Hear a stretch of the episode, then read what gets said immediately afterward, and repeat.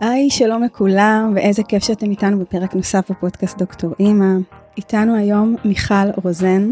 אנחנו עוד לא התחלנו, אבל אני יודעת שזה הולך להיות פרק מיוחד, באיזשהו אופן קרוב מאוד לליבי. אנחנו נבין תוך כדי, אני בינתיים לא מבינה עד הסוף. אה, מיכל היא אחות, מיילדת, מתמחה בליווי רגשי בשדה הלידה, מלווה בגישת BOT ומטפלת בעיסוי ארוויגו. נכון. אמרתי נכון? כן. ומיכל גם מנחה את הפודקאסט המדהים, באות לעולם, יחד עם אביגיל גורן. נכון. שכבר גם לפני שנפתחו המיקרופונים, אני התוודעתי שאני מכורה לפודקאסט הזה, וממליצה עליו לכל אה, אישה. אז אני מתרגשת להיות פה, וזו פעם ראשונה שאני מתארחת בפודקאסט של מישהי וואו. אחרת, ודי התרגשתי בדרך, אה, אז אה, תודה. טוב, האמת היא שככה הזמנתי אותך לכאן, כי אני עוסקת הרבה באימהות. זה המחקר שלי, אני פוגשת הרבה אימהות, ואחד הדברים שחוזרים על עצמם, זה כשבאיזשהו אופן עולה רגע הלידה, החוויה הרגשית של אותה אימא היא כל כך טריה, גם נשים שילדו לפני עשרות שנים. זאת אומרת, כשאתה מחזיר אישה לרגע הזה, זה כאילו זה קרה, זה כאילו קרה אתמול. כן, אני קוראת לזה שזה ממשיך לפעום. שזה כמו ממשיך לפעום בה וחי, ואז זה כנראה צריך לגשת לזה. אז, אז זה בדיוק זה. אני, אני מזהה שאם יש פה משהו כל כך פועם, אני מאמצת את באמת איך שאמרת את זה, אז יש פה משהו. מה זה המשהו הזה? אני לא יכולה לחשוב על אף חוויה לאורך חיי שאני מסוגלת לגשת אליה בכאלו אמוציות. אז אני אגיד שחוויית לידה זו החוויה הכי אל חזור שאישה תעבור בחיים שלה. כאילו זה לידה ומוות. וזו חוויה שאצל הרבה מאוד נשים ממשיכה לחיות בהם, ואת רואה ש... שזה מעלה דמעות, ו... ושיש רצון לשתף. כאילו מספיק שאני אגיד אני מיילדת ואני אקבל סיפור לידה. אני יכולה לחשוב אפילו על אימא שלי שעברו יותר מ-40 שנים מהלידות שלה, היא עדיין יודעת לתאר את הריחות, את הקולות, את מה אמרו לה, על איפה היא הייתה במסדרון, על איך הסדין היה. אומרת, זה כל כך כל כך פועם בנו, ו, ו, ובגלל, וזאת הסיבה שהזמנתי אותך לדבר על לידה. וזהו, ותוך כדי שחשבתי על, על לידה, על עיבוד לידה, אז פתאום זה התחבר לי באופן אינטואיטיבי ואמרתי אי אפשר לדבר על לידה, צריך לדבר על היסטוריה מילדותית, כי אני לא יכולה לנתק את הלידה שלי ממה עברתי לפני או מה קרה אחרי. נכון. אז אני אתחיל ואספר שלפני 20 שנה אני לא הייתי מיילדת. אני מעצבת תעשייתית, אני בוגרת בצלאל, ולפני 19 וחצי שנים ילדתי את הבן שלי. זאת הייתה חוויה הכי מטלטלת, עוצמתית וחיובית שעברתי, שאחריה הבנתי שאני לא יכולה לחזור ולהיות מעצבת תעשייתית. שמה שעברתי שם היה כל כך חזק, שאני עוצרת הכל ומשנה מסלול מחדש. זאת אומרת, הלידה החיובית גרמה לי להתפטר, הלכתי ללמוד להיות דולה שנה אחרי שהוא נולד, עזבתי עבודה כמעצבת תעשייתית ויצאתי לדרך חדשה. בהמשך למדתי סיעוד ומיילדות והיום אני עושה עוד הרבה דברים, אבל גם עבורי חוויית לידה מאוד חיובית, אה, כל כך טלטלה אותי שקראה לי לדייק את הדרך. וואו. כן, אז אה, כן, עיבוד חוויית לידה, אני אספר קצת מה זה. תהליך של עיבוד חוויית לידה הוא פגישה, או סדרה של פגישות, שבהם אנחנו קודם כל ניתן המון הכרה לתחושות ולמה שהיה, אה, ובעיקר, בעיקר בלי שיפוטיות. זאת אומרת, לא, זה טוב, זה רע, מה היה? עכשיו, תביני, רוב הנשים הן נמצאות מאוד בבדידות אה, עם הרגשות והתחושות האלה. וכשאנחנו נותנות הכרה לתחושות ו- ולרגשות, ולפעמים זה קצת כמו לחלץ אותה מהבדידות הזאת של מה שהיה לה שם.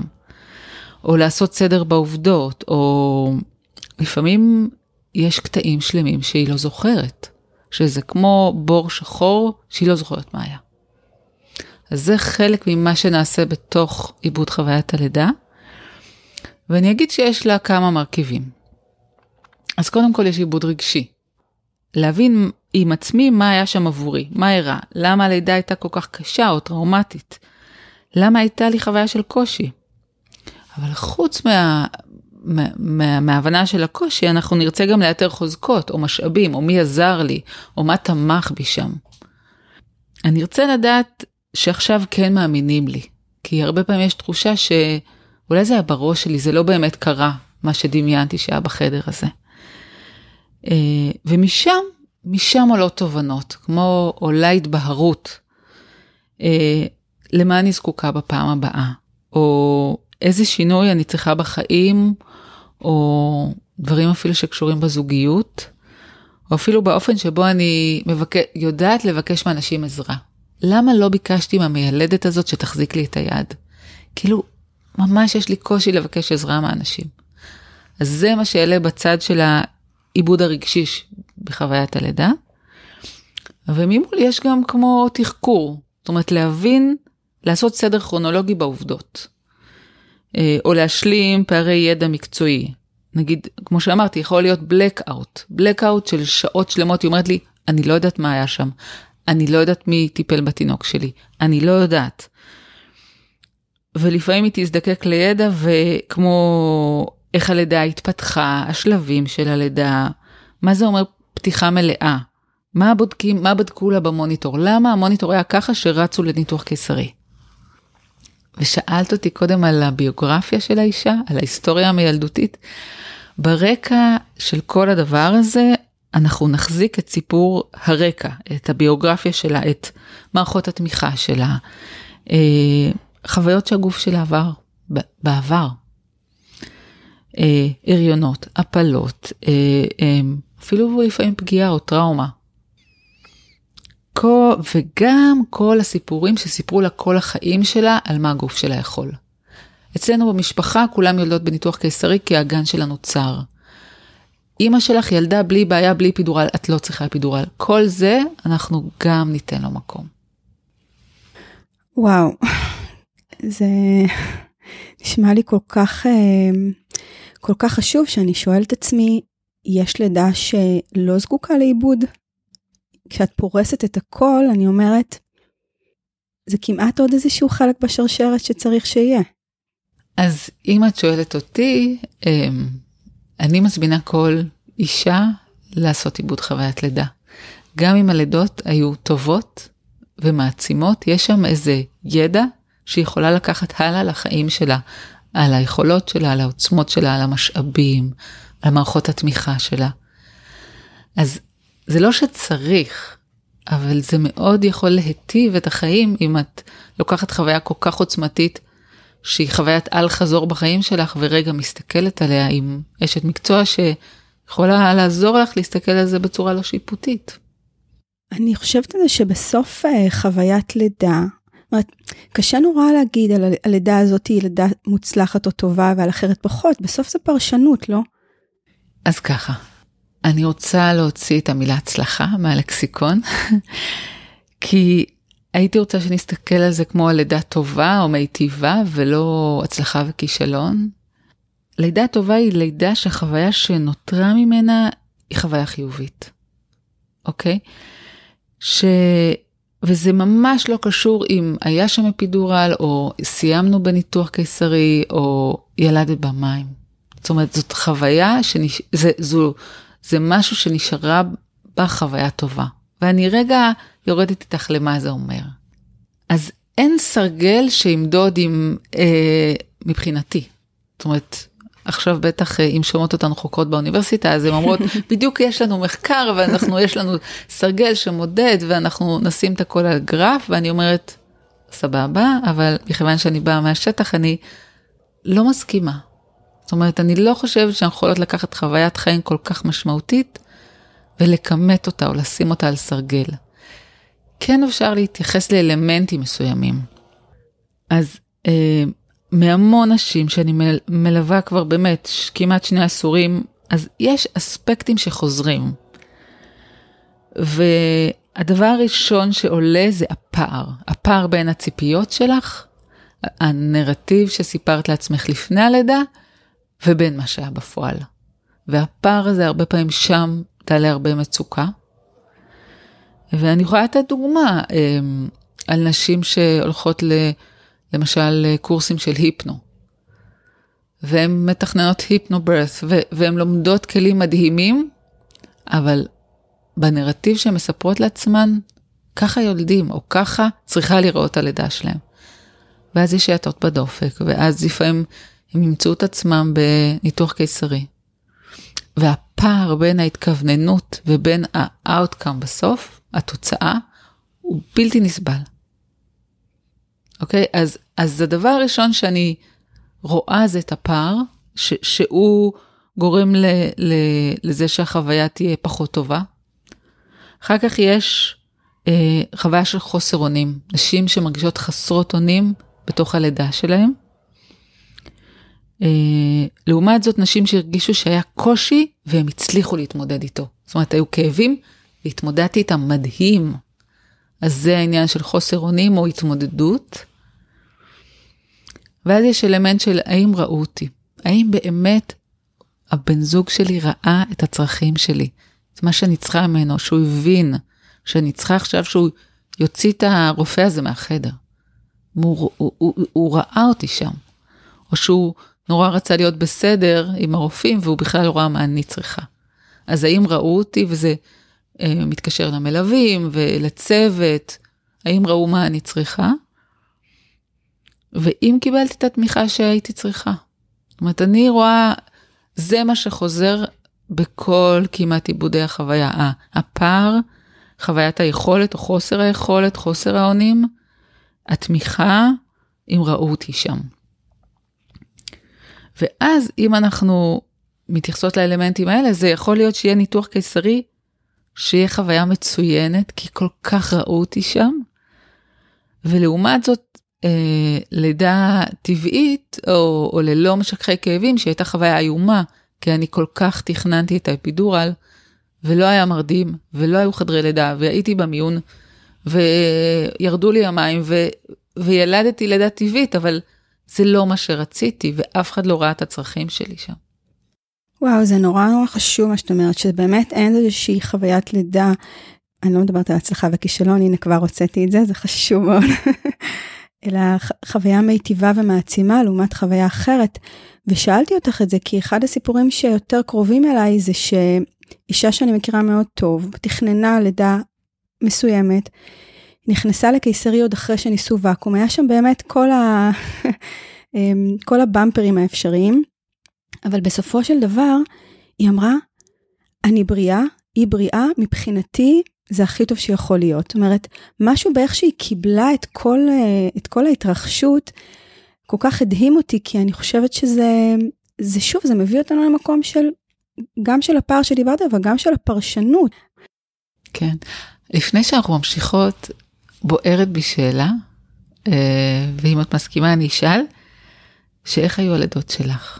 וואלה. כי אני ככה רואה אותך והעיניים שלך מדברות המון רגש. אוקיי. ואני שואלת, אה, איך היה לך? אז אה, טוב, אני, היה לי איזושהי מחשבה שזה יגיע מתישהו בשיחה בינינו, אבל אני אספר, אבל את רואה את העיניים שלי, הן כבר מתמלאות. אני אתחיל מהלידה הראשונה, בעיניי היא הייתה טוב, אני פשוט אספר מה היה שם. אה, זה היה לפני 12 שנים. אני תכננתי לידה טבעית, מבחינתי זה היה, זה היה הנרטיב שלי. קראתי כל מה שצריך, לקחתי מיילדת פרטית, אז היה בתל השומר את המרכז כן. ללידה טבעית. אז היו שתי מיילדות uh, מקסימות שליוו את תהליך ההיריון, והתעוררתי בלילה לתוך צירים, שמתי נרות, עוד לא הערתי את בן הזוג, עשיתי כל מה שצריך, וכשהרגשתי שהצירים דחופים, התקשרנו למרכז, הכינו לנו את החדר, והגענו, היה לי מאוד מאוד כואב. זה היה נמשך הרבה מאוד זמן, ואני זוכרת את הרגע הזה שהייתי בתוך המים, שמדדו לי מדי פעם דופק, והתחילו להטות דופק, והבנתי שאני אני, אני גם יודעת שהמקום הזה הוא כל כך שביר בין להמשיך להיות בתוך הגלים האלה של הכאב, לבין אה, להרים ידיים. ואני זוכרת שהיה את הרגע הזה ש, שהפתיחה לא התקדמה והיו, והיו קצת האטות דופק. ואז אמרתי, אוקיי, אז אני לא יכולה, מפה אני לא יכולה יותר. ועברנו לחדר רגיל, והמשיכו האטות דופק, וביקשתי, אני לא יודעת מה זה אומר, את יודעת, מבחינת הרפואה, אבל ביקשתי רק קצת אפידורל, כי אני רוצה להמשיך להרגיש את הלידה. אז כבר הייתי על מיטה ועם החלוק, ואת יודעת, יצאתי מה, מכל הסצנה הרומנטית. היום אני אספר לך שרק קצת אפידורל זה כמו רק קצת להיות בהיריון. אה, אז אפידורל זה כן או לא? אוקיי, אז לא, הרגשתי עדיין את ה... כן. לגמרי את, ה, את הצירים, כמובן לא בעוצמה של קודם, אבל זה טוב שאת אומרת זה, כי מבחינתי היה לי רק קצת אפידורל. הנה עוד... היה לך מרדים מצוין, שלא עשה בלוק מוטורי לגמרי, אבל הוא לקח ממך את הכאב. הוא אמר לי, אני, אני אתן מינון מסוים ותקראי לי אם את צריכה להגביר. ואז המשיכו להטות דופק. ואני לא זוכרת כמה פעמים זה קרה, אני זוכרת שראיתי את הפנים של המיילדת והם בישרו לי שמשהו לא טוב עומד לקרות. ואז פרצו לחדר, אה, אני חושבת בערך עשרה אנשים, בלי להגזים. ואני זוכרת שהייתי במצוקה וצעקתי וביקשתי שכל האנשים יצאו מהחדר. והגיע רופא מאוד אה, אגרסיבי, אה, וצעק עליי ואמר לי, אם את לא עוזרת לי, את לא עוזרת לי עכשיו בלחיצה הזאת, אנחנו נכנסים לחדר ניתוח.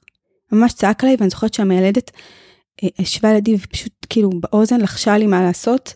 וזה נגמר בוואקום, היא הייתה OP גם. כן. אז זה נגמר בוואקום, ועם תאונה מאוד רצינית לגבי איך כן. שזה התנהל. ואני הסתובבתי הרבה זמן בתחושת אשמה מאוד מאוד כבדה, שאם רק יכולתי לשאת קצת יותר את הכאב, הייתי חוסך, בדיוק. אז ככה הסתובבתי המון זמן.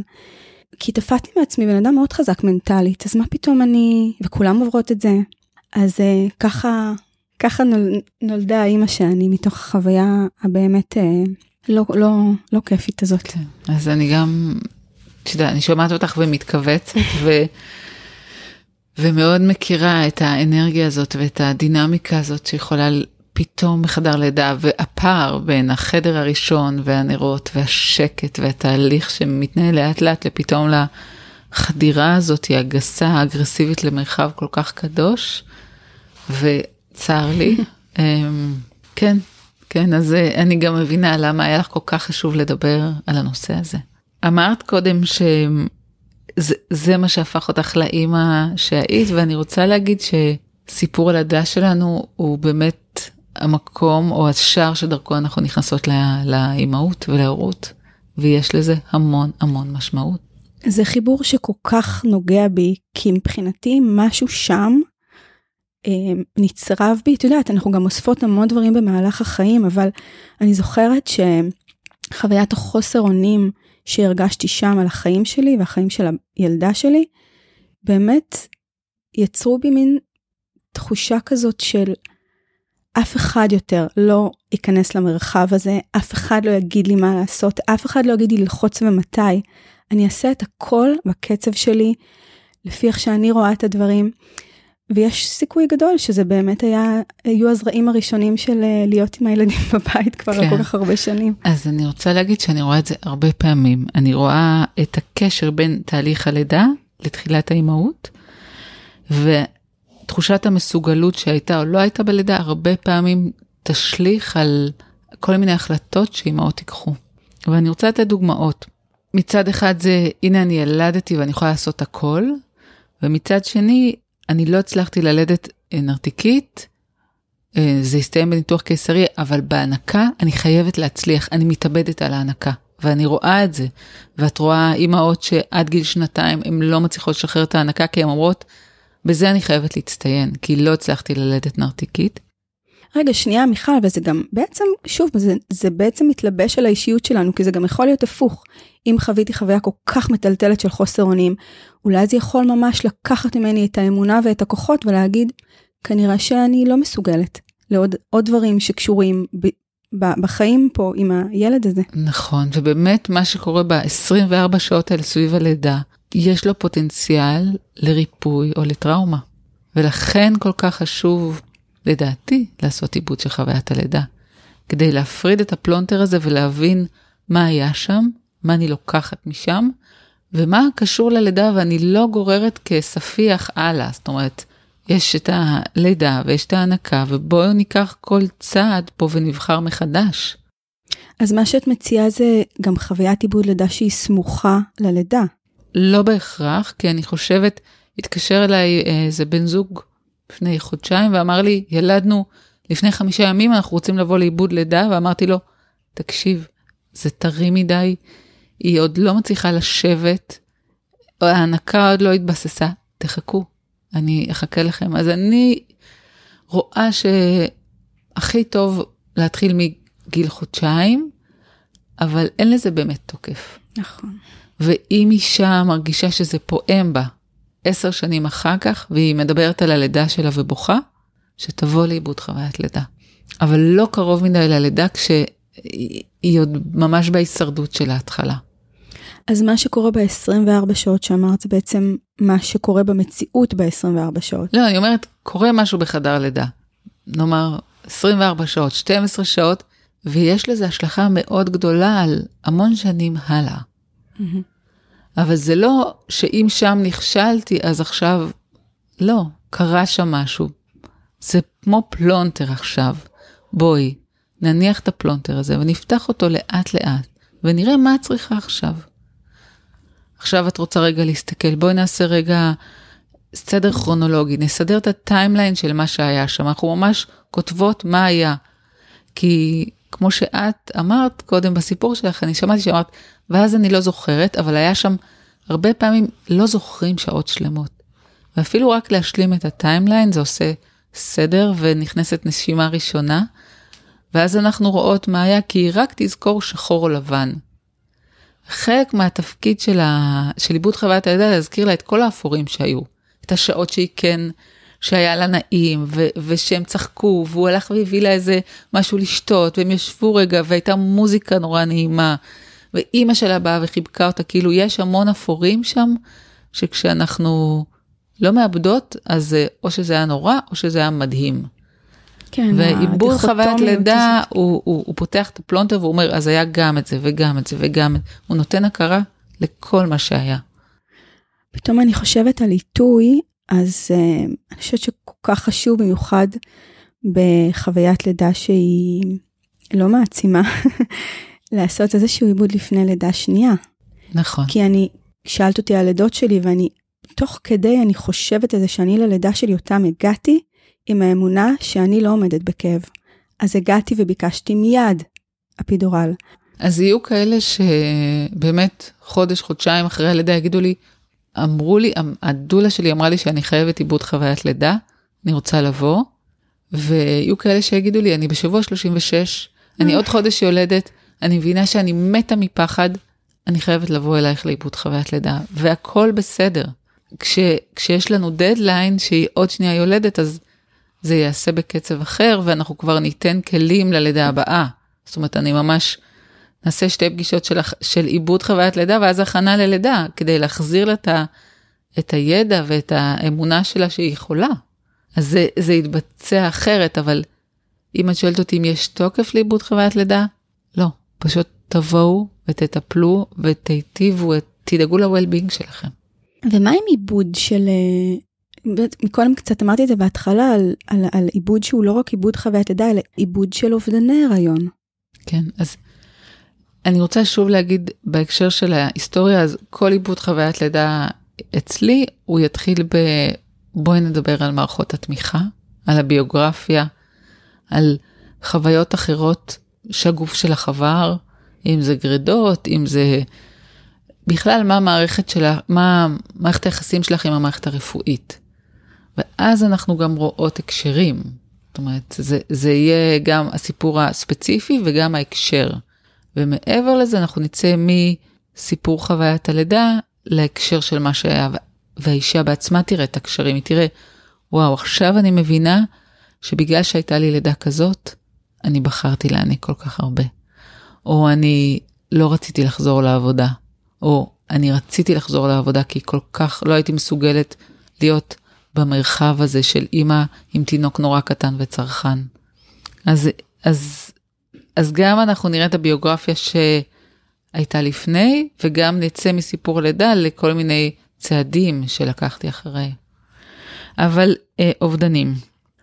אז במיוחד שיש אובדן, כדאי לאבד אותו.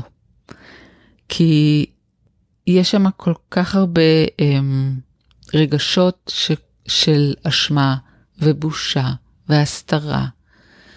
ואני נותנת תמיד את הדימוי של תיק גב, שאישה הולכת איתו ממקום למקום, שהיא מסתירה את הסוד, שהיא, שהיא הדבר הזה שלא מדברים עליו, כי זה לא סקסי ונעים לדבר על אובדן. ונשים שעברו אובדנים, הן הולכות עם הדבר הזה ממקום למקום, ואני אומרת, בואי, נעשה עיבוד, תורידי קצת מהעומס שנמצא על הכתפיים שלך. אז במיוחד אם היה אובדן, ובמיוחד אם את רוצה להיכנס להיריון וכבר יש שלוש הפלות ברקע, בואי רגע נסתכל על זה, על מה היה שם, ומה היה בפרוצדורות של, של הגרדות, ואיך זה היה לקבל אה, ציטוטק ולהיות בבית, ופתאום אה, דימום, או כל מיני חוויות גופניות לא פשוטות ולא מדוברות. זה חוויות מושתקות, הן שקופות. אני חושבת ש... שזה גם מאוד תלוי ב... באמת באיך שהרפואה היום, אולי היום זה קצת אחרת, אני לא יודעת, אבל אני זוכרת שההתייחסות לאובדני הריון היא כל כך איזשהו הליך אה, כמעט פרוצדורלי של אה, אוקיי, זה הולך להפסקת הריון, זה בסדר, 30% נגמר ככה, תיגשי לכאן וכאן. זאת אומרת, יש גם משהו תרבותי שגם אומרים לך, זה, זה לא עוד לא תינוק, זה בכלל עוד שלב שהרבה נשים לא מספרות על ההיריון, אבל בתוכה יש... אה, אובדן. אובדן. אובדן, אה, אבל. הכל. ובאמת צריך לעבור את כל שלבי האבל, גם עם עובר של שישה שבועות. כי, כי זה היה חלום ופנטזיה, והיא כבר דמיינה את עצמה בחופשת לידה הולכת עם העגלה. והנה עכשיו היא בפרוצדורה. והכל, ההתייחסות היא באמת כמו פרוצדורה. צריך להוציא את הדבר הלא חי הזה מהגוף שלך. ואני מרגישה שמאוד כדאי שניתן לזה מקום, שממש נשאל אישה על כל החוויות האלה שהגוף שלה עבר והנפש שלה עברו, כשאנחנו פוגשות אותה לאיבוד של חוויית לידה. ואם מישהי מרגישה שהיא עברה אפילו באמת הפסקת הריון בשבוע חמש וזה לא מניח לה, לא צריכה להישאר עם זה, כי, כי זה יכול להוביל לזה שהמצב רוח יהיה ירוד והיא תיכנס למין לופ כזה שגם יוביל למקומות פחות טובים. אז לגשת ולקבל עזרה. אני חושבת שגם באמת כל המקום הזה הוא באמת מאוד מאוד סובייקטיבי וכל אחד מתנהל, אבל המקום הזה של הלספר, אני עברתי שלוש הפסקות הריון, ואני זוכרת שאחרי הפסקת הריון הראשונה, אמרתי לעצמי, אני בוודאי רוצה בפעם הבאה לספר לכולם מיד שזה מגיע, כי אני רוצה את כולם איתי כשזה יכול, להפס... שזה מפסיק. כן. ומעבר לזה, אנחנו אה, חיות בחברה שהיא פרו-נטליסטית, היא בעד ילודה. כן. זאת אומרת, העיקר שאת בידיים מלאות, אז קדימה תעברי הלאה. ואין באמת אה, מקום להגיד אה, שאת לא רוצה ללדת, או שנורא קשה להיות בהיריון. ויש לי ממש קריאה לנשים להגיד להם, אל תסכימו. כאילו, גם הדרך וגם המסע הם מאוד מאוד מאוד משמעותיים, וזה מורכב. עכשיו, זה לא סק... אני אמרתי את זה קודם, אני אגיד שוב, זה לא סקסי לדבר על הצדדים הפחות נעימים. וחלק ממה שאני עושה בקליניקה זה, או, או מה שאנחנו עושות בפודקאסט שלנו, זה להציף את השיח על הקושי. לתת מקום לקשת רחבה יותר של רגשות, להגיד, לשאול אישה מה היא מרגישה כלפי זה שהייתה לה הפסקת הריון, ולפעמים זה יהיה פעם ראשונה שהיא תגיד, אני מרגישה אשמה, כי הלכתי לשיעור פילאטיס באותו בוקר, ולא נזהרתי, ובגלל זה, mm. לפעמים רק לתת לה את ההקשר ולהגיד לה, ולראות את הרגשות האלה, את האורחים האלה, ש, שהיא הולכת איתם לכל מקום, את האשמה ואת הבושה, ואחרי שהיא נותנת לזה הכרה, היא יכולה קצת לנשום. ואנחנו קוראות לזה לתת מקום לאפורים. לכל מה שיש שם, לא רק רע וטוב, קשה ומדהים, אלא למצוא עוד מילים או להקשיב לעוד מילים שנשים אומרות. וחשוב לנו לדבר על הורמונים ועל אוקסיטוצין, אבל גם חשוב לדבר על זירוזים בלידה ומה מרגישה אישה שלקחו אותה מהר מהר לניתוח קיסרי חירום, וגם אפילו שיח על דיכאון, כמה זה מאוד מאוד חשוב להציף. אז מצד אחד, החברה לא רוצה לדבר על זה, אבל מצד שני, נשים מצאו לעצמם פתרון. ברשתות החברתיות, והרשתות החברתיות מוצפות בקבוצות אה, שנותנות לזה מקום, לשיח על הקושי. עכשיו, אישה שנמצאת בבית עם תינוק אחרי לידה, בין ארבע קירות, אז למצוא מקום בקבוצה כזאת בפייסבוק זה המון, אבל אז היא מבלה שעות בתוך הקבוצה, ואני קוראת לזה להיות חלק מהטראומה הקולקטיבית, זאת אומרת, לא מספיק שיש לה את הקושי שלה, כל פעם שהיא כמעט כמעט מצליחה להתרומם ולצאת משם, נכנסת, נגיד עברו, עבר חודש מהלידה, נכנסת אישה שילדה לפני יומיים, עם קיסרי חירום וטראומה, ושואבת אותה פנימה. ושואבת אותה פנימה, ואני רואה הרבה נשים שהן ב loop הזה, ש, שהן לא מצליחות לצאת מהטראומה שלהן, כי הן כל הזמן נשאבות לסיפורים אחרים. ולנשים האלה אני אומרת, stop, קחו לכם כמה ימים, שבועיים, צאו מהקבוצות, תמצאו מישהי שתוכלו לעבוד איתה על המקרה שלכם, כדי להצליח להתרומם משם ולהתחיל קצת לצאת החוצה, לפגוש עוד אנשים ולא רק להיות בשיח על הטראומה. כן, אני חושבת שהקבוצות היום הן בעצם אה, מדמות איזושהי אה, קהילה או שייכות אה, מודרנית כזאת לקבוצות. והיתרון שאני מוצאת בקבוצות זה שאני יכולה בכל רגע, כמו שאת הצעת בחוכמה רבה, זה לצאת משם או לעשות pause או stop ולהתרחק כשזה פחות מתאים. ואני הרבה פעמים אומרת, הרבה פעמים אני מסתכלת על משהו שקורה באמת בפייסבוק וזה מפעיל אותי, אבל אני באמת רואה בזה הזדמנות לראות, לבדוק למה זה הפעיל אותי, למה זה ולא סיפור אחר. זה מחזיר אותי לאיזשהו שיח אה, של מה קורה אצלי. כן. אז אה, דיברת קצת, הזכרת אה, דיכאון. יש איזשהו קשר בין אה, חוויה של או baby blues, או באמת בא יותר קשה הדיכאון, לבין חוויית הלידה? אז כן, ואני באמת רוצה שנתחיל מלעשות סדר. יאללה, אני אוהבת סדר. אז אני רוצה להתחיל מזה ש-80% מהאנשים, ל-80% מהאנשים, הם יחוו סוג של baby blues בשנה הראשונה. וזה קשור לשינויים ההורמונליים שנשים עוברות אחרי לידה, ולרוב זה יופיע ביום השלישי או עד השביעי, אה, או עד שבועיים, שינויים רגשיים, אולי בכי ודכדוך או חרדה, זה נורמלי ממש. זה חשוב לי להגיד את זה, זה נורמלי ממש. אה, אנחנו כן נרצה לראות אימא מתפקדת. עכשיו, אם זה נמשך מעבר לשבועיים, אז כדאי להתייעץ. זאת אומרת, אם זה גולש למעבר לשבועיים. כן, חשוב באמת לראות איפה, איפה נקודות, הנקודות הזרה האדומות שמעבירות לנו 180% של הבייבי בלוז, באמת דיכאון אחרי לידה.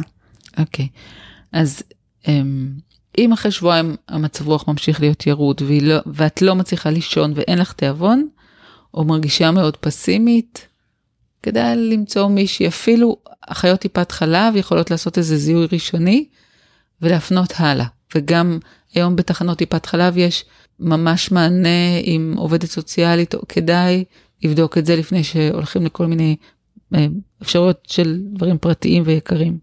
אבל מעבר לזה, בין 10 ל-20 אחוז, שזה אומר בערך אחת מכל שבע, תסבול מדיכאון אחרי לידה.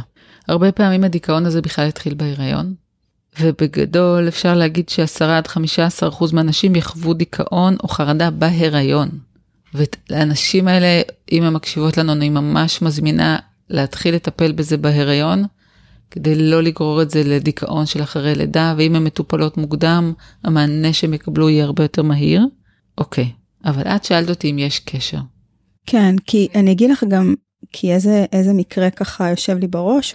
אישה שחוותה לידה מאוד מעצימה ומאוד uh, חיובית מבחינתה, ואז הפער הזה וההתמוטטות ההורמונלית, הרכבת הרים הזאת פעם מישהי אמרה, באמת, דווקא שם ראיתי קשר כביכול מבחינת, אה, קשר הפוך קוראים לזה בעולם כן. המחקר, שדווקא הייתה חוויה חיובית מאוד, שהובילה למשהו אחר. אז... אה, אז זה יכול לקרות, כי את יודעת, מספיק שצונחות רמות של סרוטונים ודופומין, ו, וזה, וזה קורה, ואז גם ההאשמה העצמית שהיא אומרת, אבל הייתה לי לידה מעולה, למה אני לא שמחה? וזה נכנס שם ללופ. אבל לרוב הקשר שנראה יהיה עם לידות קשות, טראומטיות ודכדוך, שלפעמים יתגלגל הלאה לדיכאון, של תחושה של כישלון, אשמה, בושה, חוסר יכולת. זה הקשר שאני יותר רואה. אוקיי, okay, זאת אומרת שיש לגמרי, לפי מה שאת רואה בשטח, יש קשר בין חוויית לידה שהיא חוויית לידה לא חיובית, לבין התחושות אחר כך? כן. ושוב אני אגיד, אני לא פסיכיאטרית, אני מלווה נשים שבאות לאיבוד חוויית לידה, אני מלווה נשים בהיריון, אבל כשאישה מרגישה את קשת הרגשות האלה והיא כדאי מאוד לפנות לעזרה. אני כן יכולה להגיד שאני רואה נשים שחוברות דברים מאוד לא פשוטים בלידות, ויש PTSD ויש דיסוציאציה וכל מיני דברים שקשורים לזה שעברת עכשיו משהו מאוד מאוד קשה וטראומטי, ומנגנון ההישרדות שלך פועל, ולפעמים זה אומר שתהיה דיסוציאציה ואת פשוט מתנתקת, כי את לא יכולה לעשות את מה שהגוף שלך עובר עכשיו. אז בוא נדבר קצת על דיסוציאציה ופוסט טראומה, למי שפחות מכיר את זה. נתחיל בהגדרה. יאללה. אז דיסוציאציה היא תגובה של התנתקות. זאת אומרת, דיסוציאציה היא מנגנון הגנה, זה, זה גם קורה לכולנו, כשאנחנו חולמות בהקיץ, אנחנו בסוג של דיסוציאציה.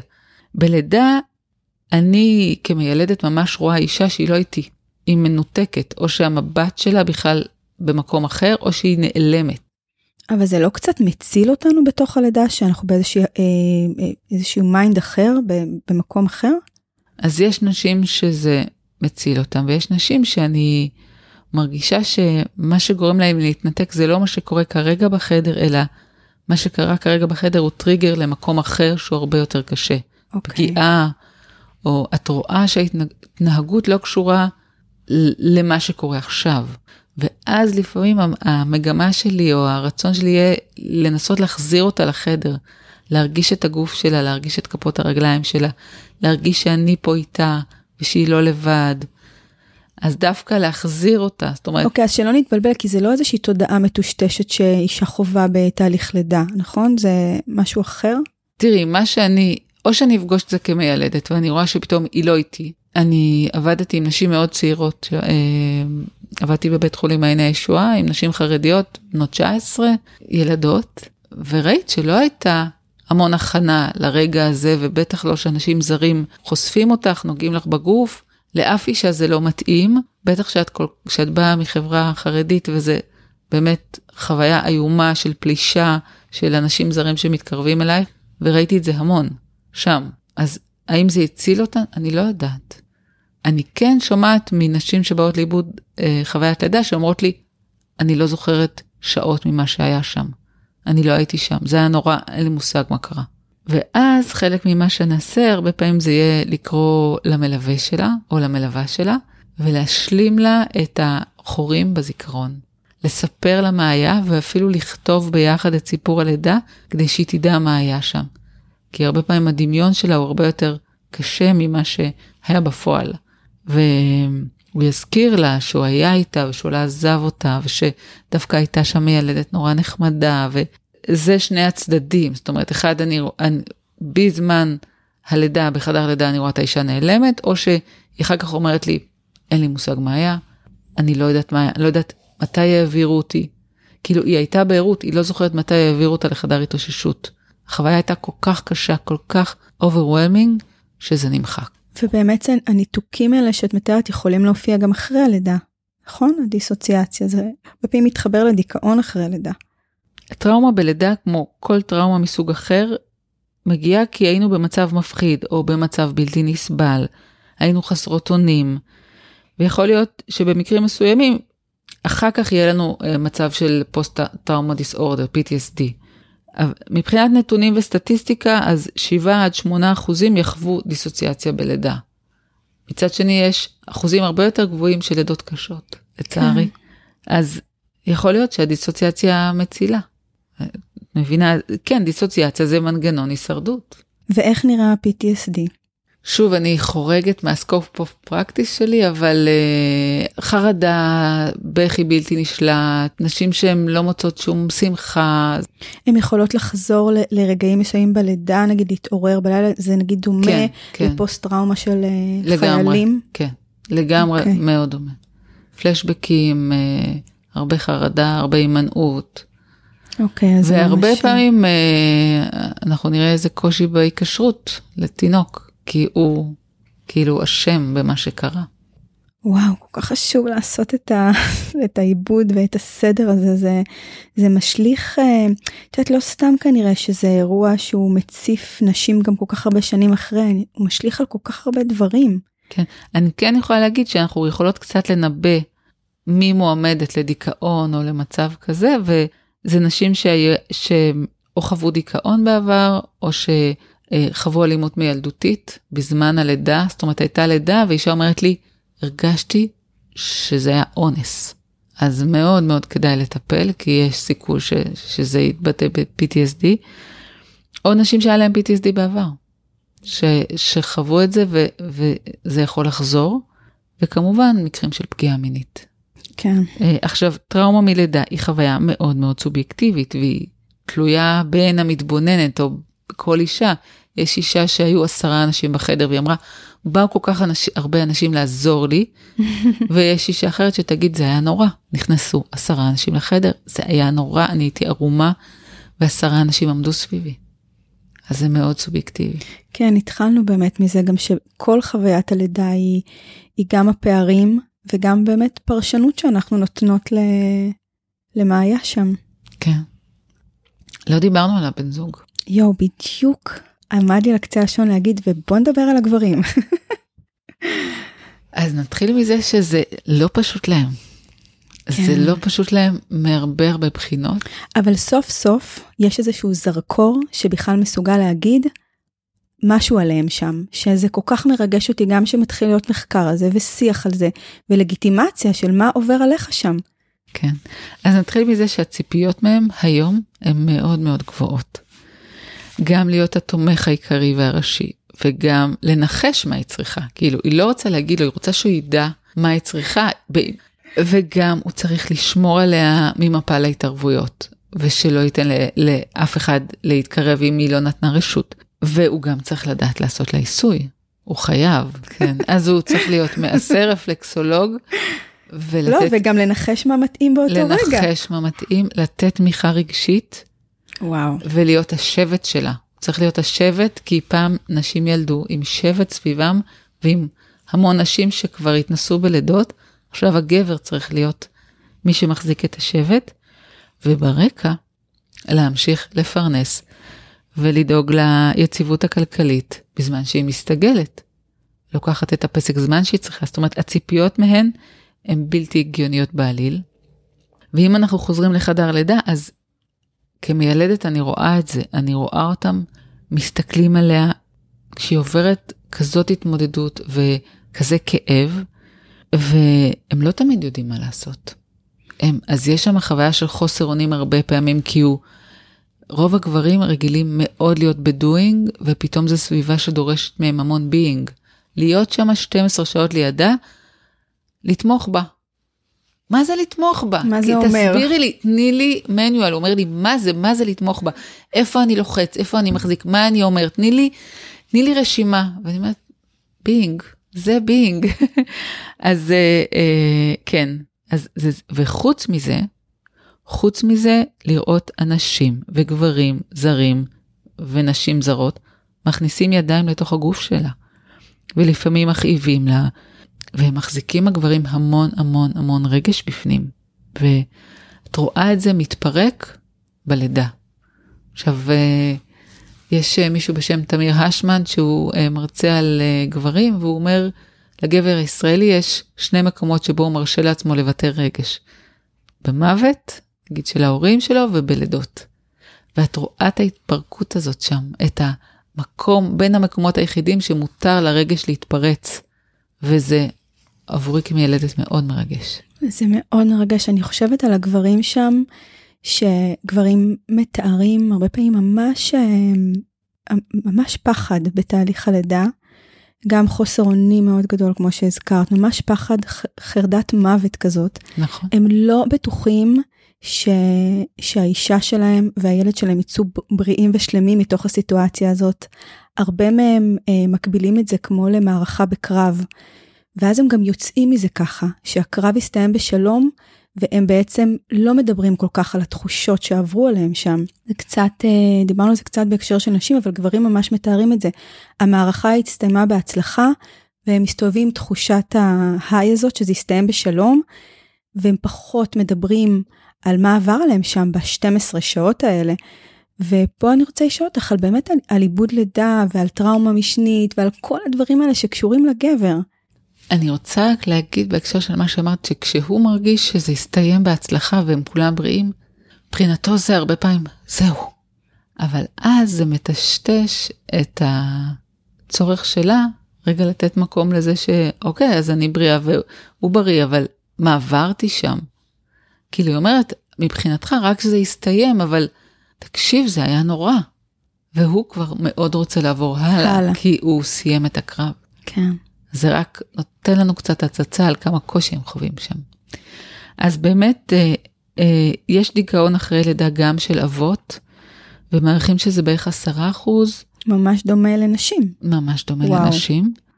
אה, והרבה פעמים זה גם קשור לזה שגם האישה חווה שם דיכאון.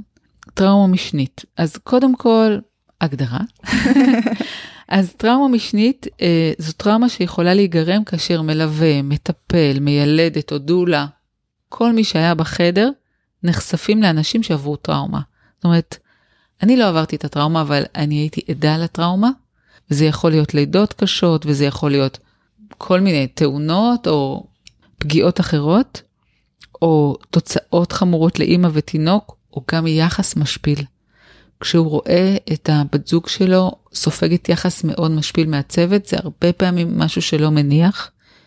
ובאמת, אפילו אם הם רק צפו ו- ולא חוו את הטראומה באופן ישיר על הגוף שלהם, התסמינים של טראומה משנית מאוד דומים ל-PTSD. זה דריכות יתר, זה חרדה, זה דיכאון, זה פלשבקים, זה מחשבות מטרידות, וכדאי מאוד לטפל בזה.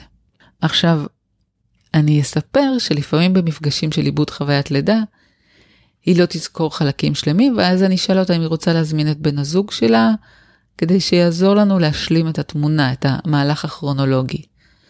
בדרך כלל אני אבקש שזה יהיה בפגישה השנייה, כדי שבפגישה הראשונה נקשיב רק לה. והרבה פעמים אני, אמ, באיזשהו שלב אני אזמין אותו או אותה, אם זה בת הזוג, לספר את נקודת מבטם על הסיפור. ושם לפעמים זאת הפעם הראשונה שהיא תשמע אותו אומר שהוא פחד, שהוא פחד שהיא הולכת למות, שהוא פחד שהיא הולכת לו. ופתאום... שהוא לא יכל היה לעזור לה. שהוא היה חסר אונים, שהוא מרגיש אשם שהוא לא עצר את זה שלקחו אותה לניתוח. והיא פתאום מבינה מה עבר עליו. ויורד שם אסימון שמחבר אותה להרבה דברים שהיו בהמשך. ו- ואת חוסר האונים שלו לעמוד מהצד שהיא כאובה. ופתאום גם הוא מקבל הכרה. ו- כל כך חשוב, וואו. וזה גם מאוד מאוד מחבר אותם. פתאום את רואה את הדמעות של שניהם בעיניים, ומחזיקים ידיים, ו- והיא נורא בוכה, וכן, זה מאוד מאוד חזק, ו- ואני חושבת שזה מאוד חשוב לערב את הגברים בתהליך של עיבוד חוויית לידה, כי אם יש שם ריפוי, הוא יהיה גם ריפוי שלה, והוא גם יהיה ריפוי ברמה הזוגית. של היינו בתוך החוויה המאוד קשה הזאתי, או המדהימה הזאתי, ועברנו את, את זה והרגשנו ככה, ואנחנו ממשיכים ביחד באיזשהו תהליך של התבהרות וריפוי, ו, ומה אנחנו צריכים עכשיו, אחרי שעברנו את הדבר הזה ביחד. זה כל כך קריטי בעיניי, יש, יש המון דברים שקורים בחדר הלידה, שמבחינת התחושה של הגבר, ממשיכים איתו הביתה. גם התחושה של אני קלאמזי, אני לא יודע מה לעשות. וגם החוסר אונים, וגם תחושה קצת שאולי אני לא שייך לסיטואציה הזאת. זה באמת דברים שגברים מתארים גם אחר כך בהורות הראשונית, ואני חושבת שבאמת לחזור לחדר הלידה ולדבר על הדברים, כי בעצם שם היו הניצנים של כל התחושות האלה, זה כל כך כן, חשוב. וקנאה. בוודאי, גברים האמיצים ממש מתארים שיש זוג חדש בבית. כן. אני רוצה לומר למי שמצא את השיחה הזאת מעניינת, שאני, ורוצה לשמוע עוד, אז ב-25 לנובמבר יש לי הרצאה שאני מעבירה על תהליכים של עיבוד חוויית לידה, בשילוב עם עיסוי שנקרא הרוויגו, שחלק מהתהליך של עיבוד חוויה בקליניקה בשנה האחרונה, אני משלבת uh, טיפול במגע, כי יש איזה מקום שמגיעים אליו שהמילים כבר uh, לא יכולות להגיע, ולפעמים רק לחזור אל הגוף, אל זירת הפשע, אל הבטן, אל הרחם, זה מאוד מאוד עוזר. אז, אז ב-25 לנובמבר אני מעבירה הרצאה על עיבוד חוויית לידה בשילוב עם מגע. אמ, הרצאה בזום? ב... בזום, ואנחנו נצרף לינק. יופי, מעולה. לגוף הפודקאסט, למי שרוצה, אז מוזמנת uh, להירשם להרצאה. מצוין, אנחנו נצרף לינק, זה נשמע לי, שוב, אני שומעת את הפודקאסט שלכם והתוודעתי אלייך ואני אומרת, אולי קצת באיחור, אבל זה אף פעם, כמו שאמרת, לא, לא, לא מאוחר לאבד דברים. אני רוצה להגיד לך כל כך, אה, באמת מכל הלב תודה. את בשמחה. ראית אותי מוצפת ברגעים גדולים מהפרק הזה, ידעתי, הייתה לי איזו תחושה ש, שזה באמת מסוג הדברים ש, שמציפים אותי כל פעם מחדש. אז תודה על כל מה שאת עושה. אני חושבת שהשיח וההכרה בצמתים האלה, בעצם היסודות של כל מי שנהיה אחר כך. כן. תודה לך ותודה לזה שאת נותנת לזה במה ושהזמנת אותי. זה היה עונג. תודה מיכל.